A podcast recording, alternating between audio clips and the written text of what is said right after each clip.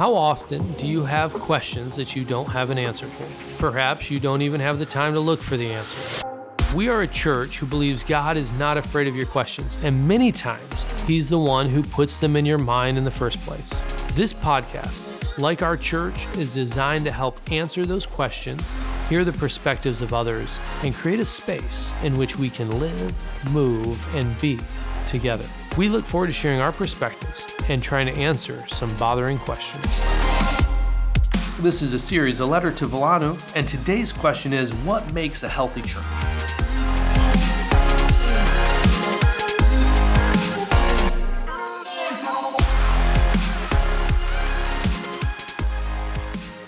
Uh, welcome to our podcast here at Wilanow Christian Fellowship. Today we're in again a letter to Wilanow, this book of Ephesians, this letter that was written to Paul, which was intended to be read by churches. And really, over the last 2,000 years, it's been read in churches all over the world. And it's really informed churches, especially church plants and new churches, what is the gospel? How do we live out our calling? Uh, what has Christ truly done for us? Because sometimes we think that our salvation may have been something we earned, may it's something that we try to earn.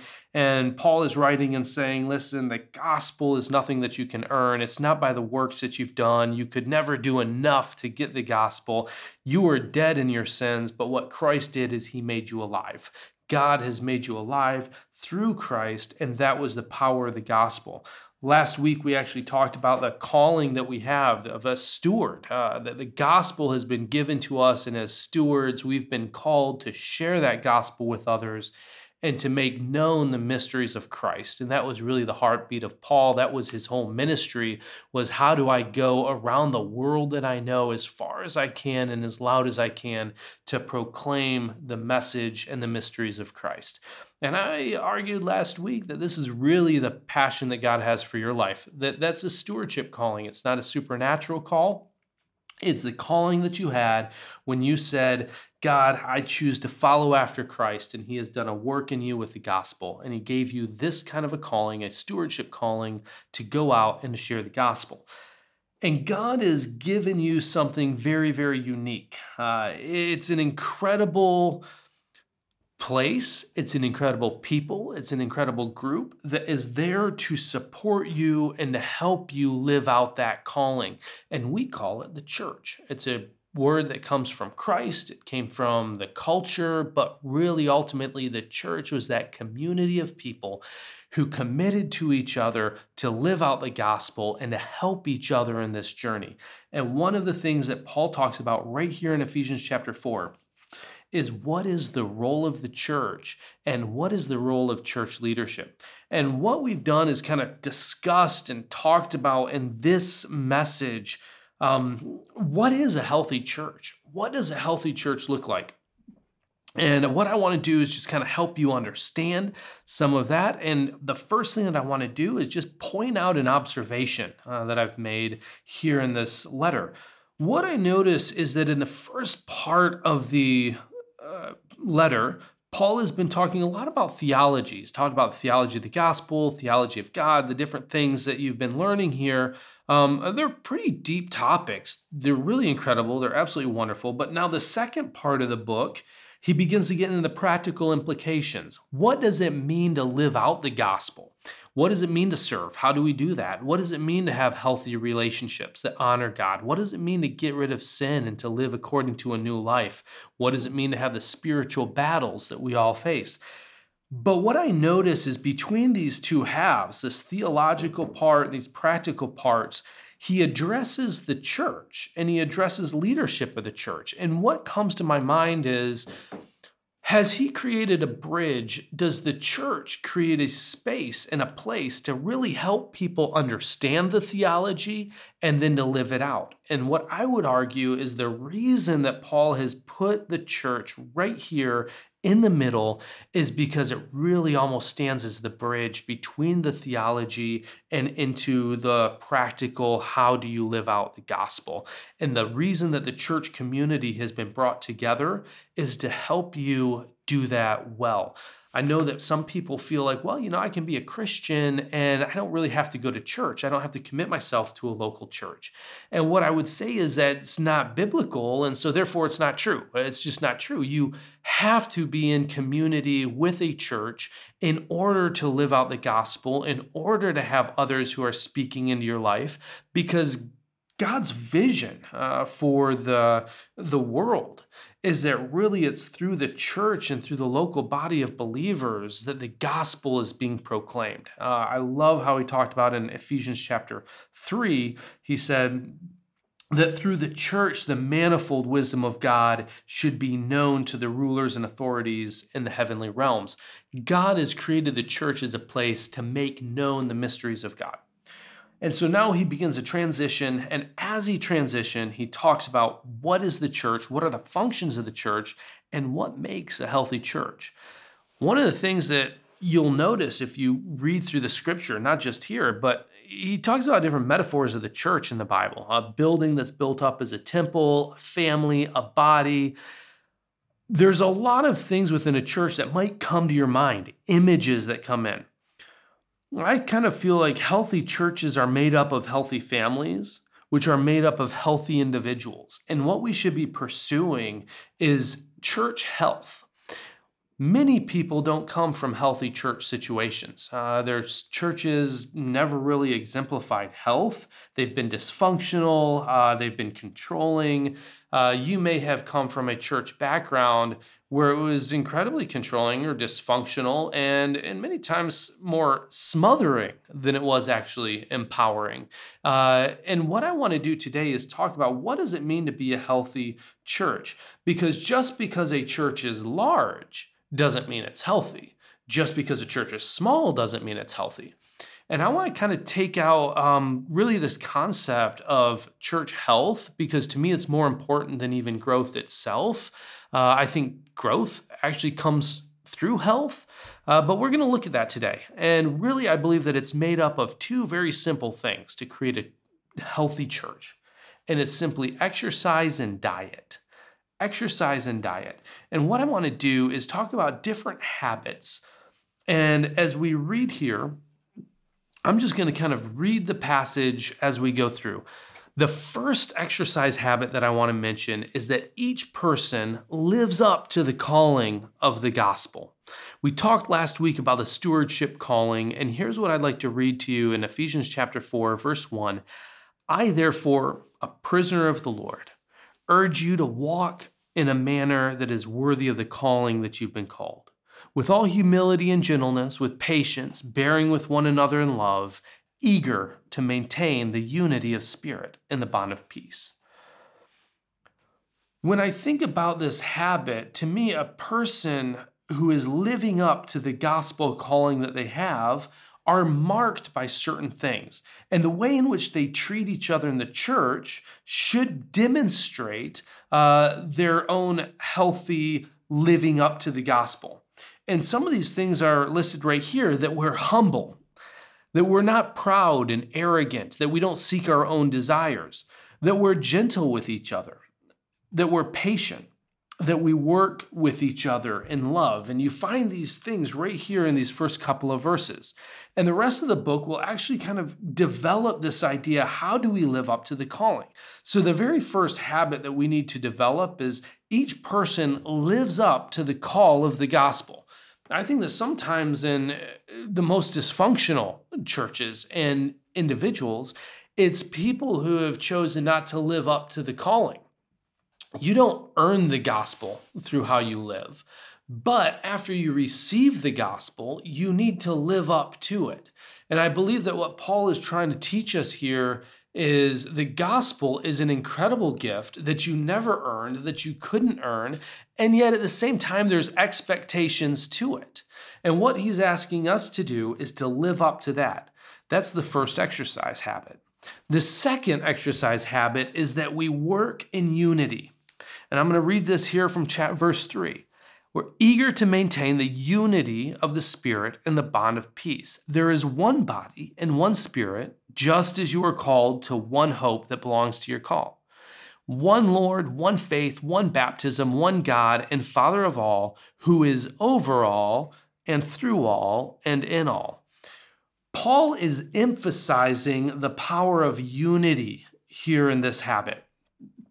If you remember from chapter 2, Paul's desire was to see two different groups, the Jews and the Gentiles, that had previously been divided, be brought together because of the gospel.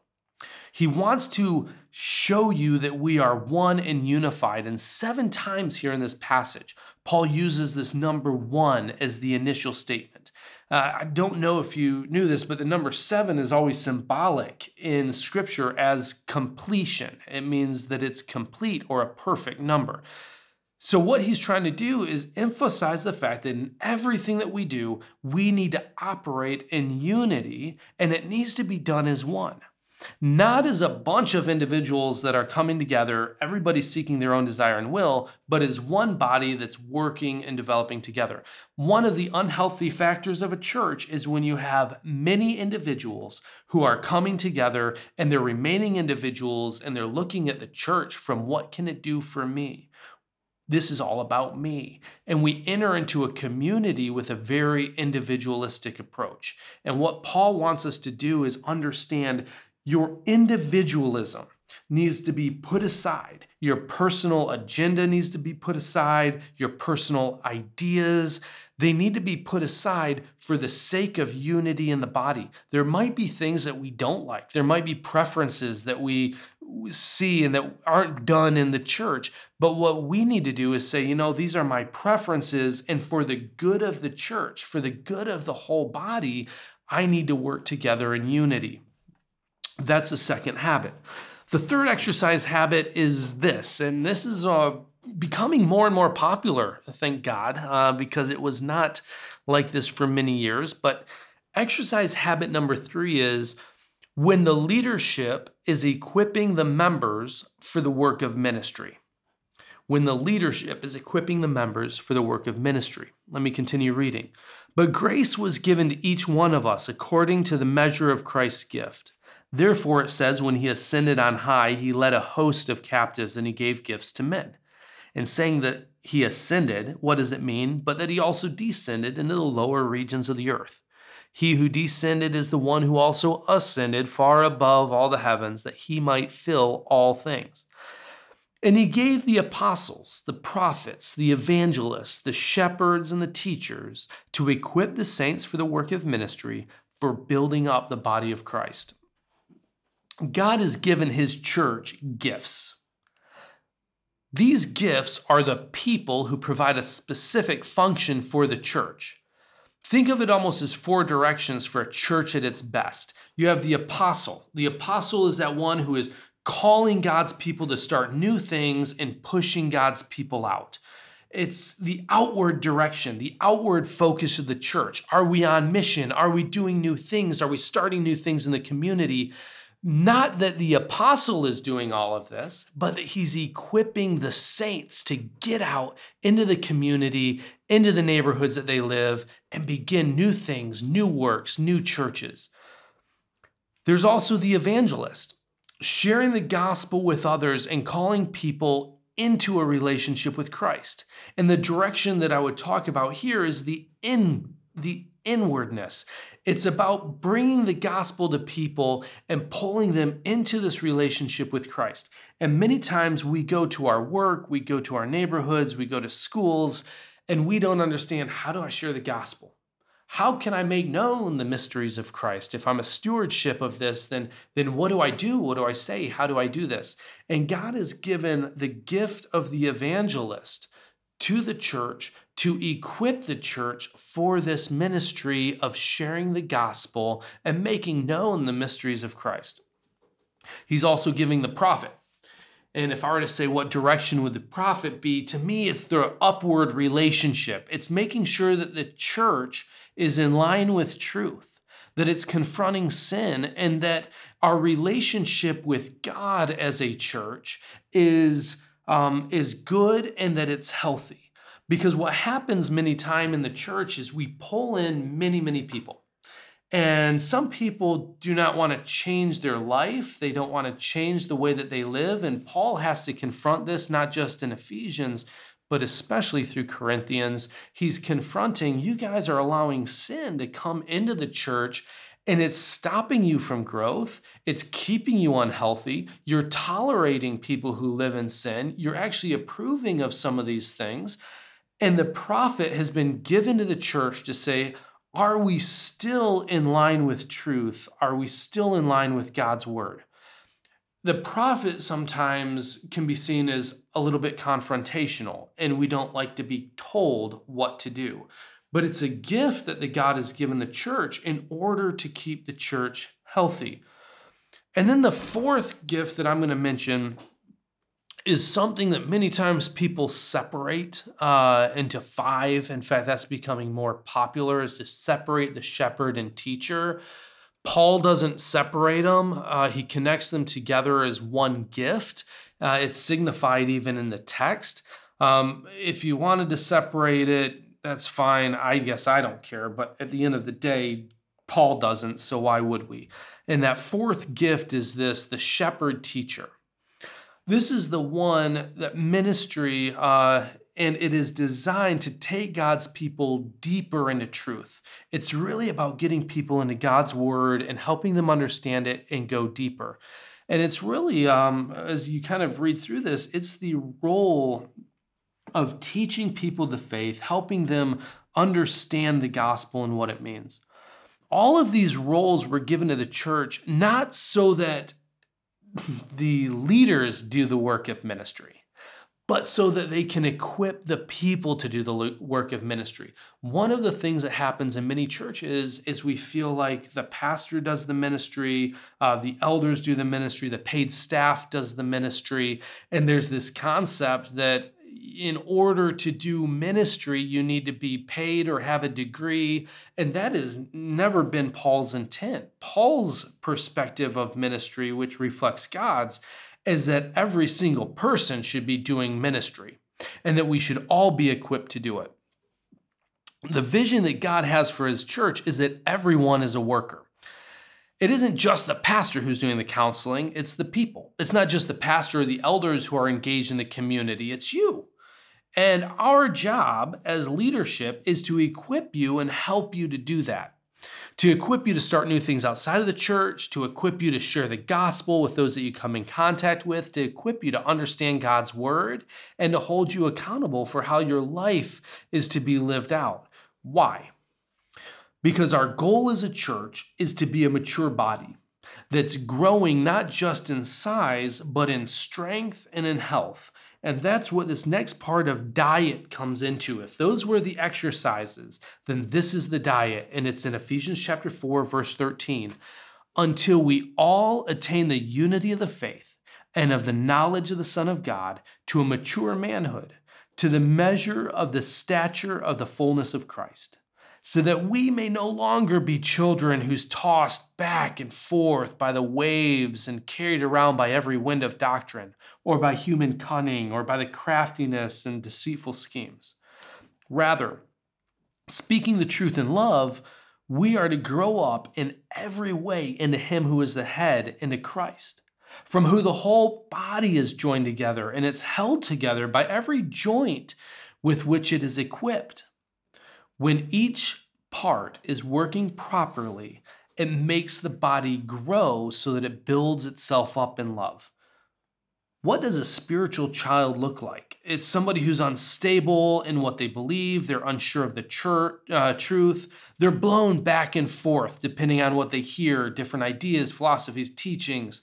They're deceived into believing things that aren't according to Scripture every church and every teacher will be held accountable before God by how they taught others. We as a church will stand before God and give an account on how we used God's word to inform you and to shape your beliefs in your lives. The idea of doctrine and making sure that you have a healthy diet in order to grow is one of the key factors of healthy Christians, healthy families, and healthy churches. If we teach you wrongly, then we stand before God as leadership. The speaker failing in theology or not communicating clearly God's truth And if you were to live out that wrong theology, I believe that we both stand before God having to give an account of how we taught and taught you in the scriptures. So here's what I would challenge as we look at what is church growth, especially as a, a small church here in Villanova, especially as this kind of new church plant. Our passion cannot be to let's get to be the biggest. It's not about the size, it's about the health. And the health is going to be demonstrated when we have these three exercises that each person lives up to the calling of the gospel, that we're all working together in unity, that the leadership is equipping the members for the work of ministry, and that you are being fed a sound doctrine, a diet that is based in scripture and that helps you live a healthy life. So, this is kind of the final part of, or the part of chapter four here, this first part.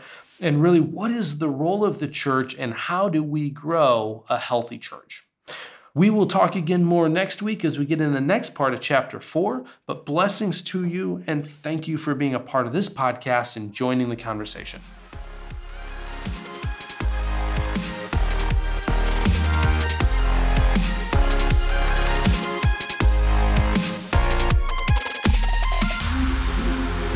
For listening and wrestling with this week's question. Hopefully, you're now asking more questions than you did at the beginning.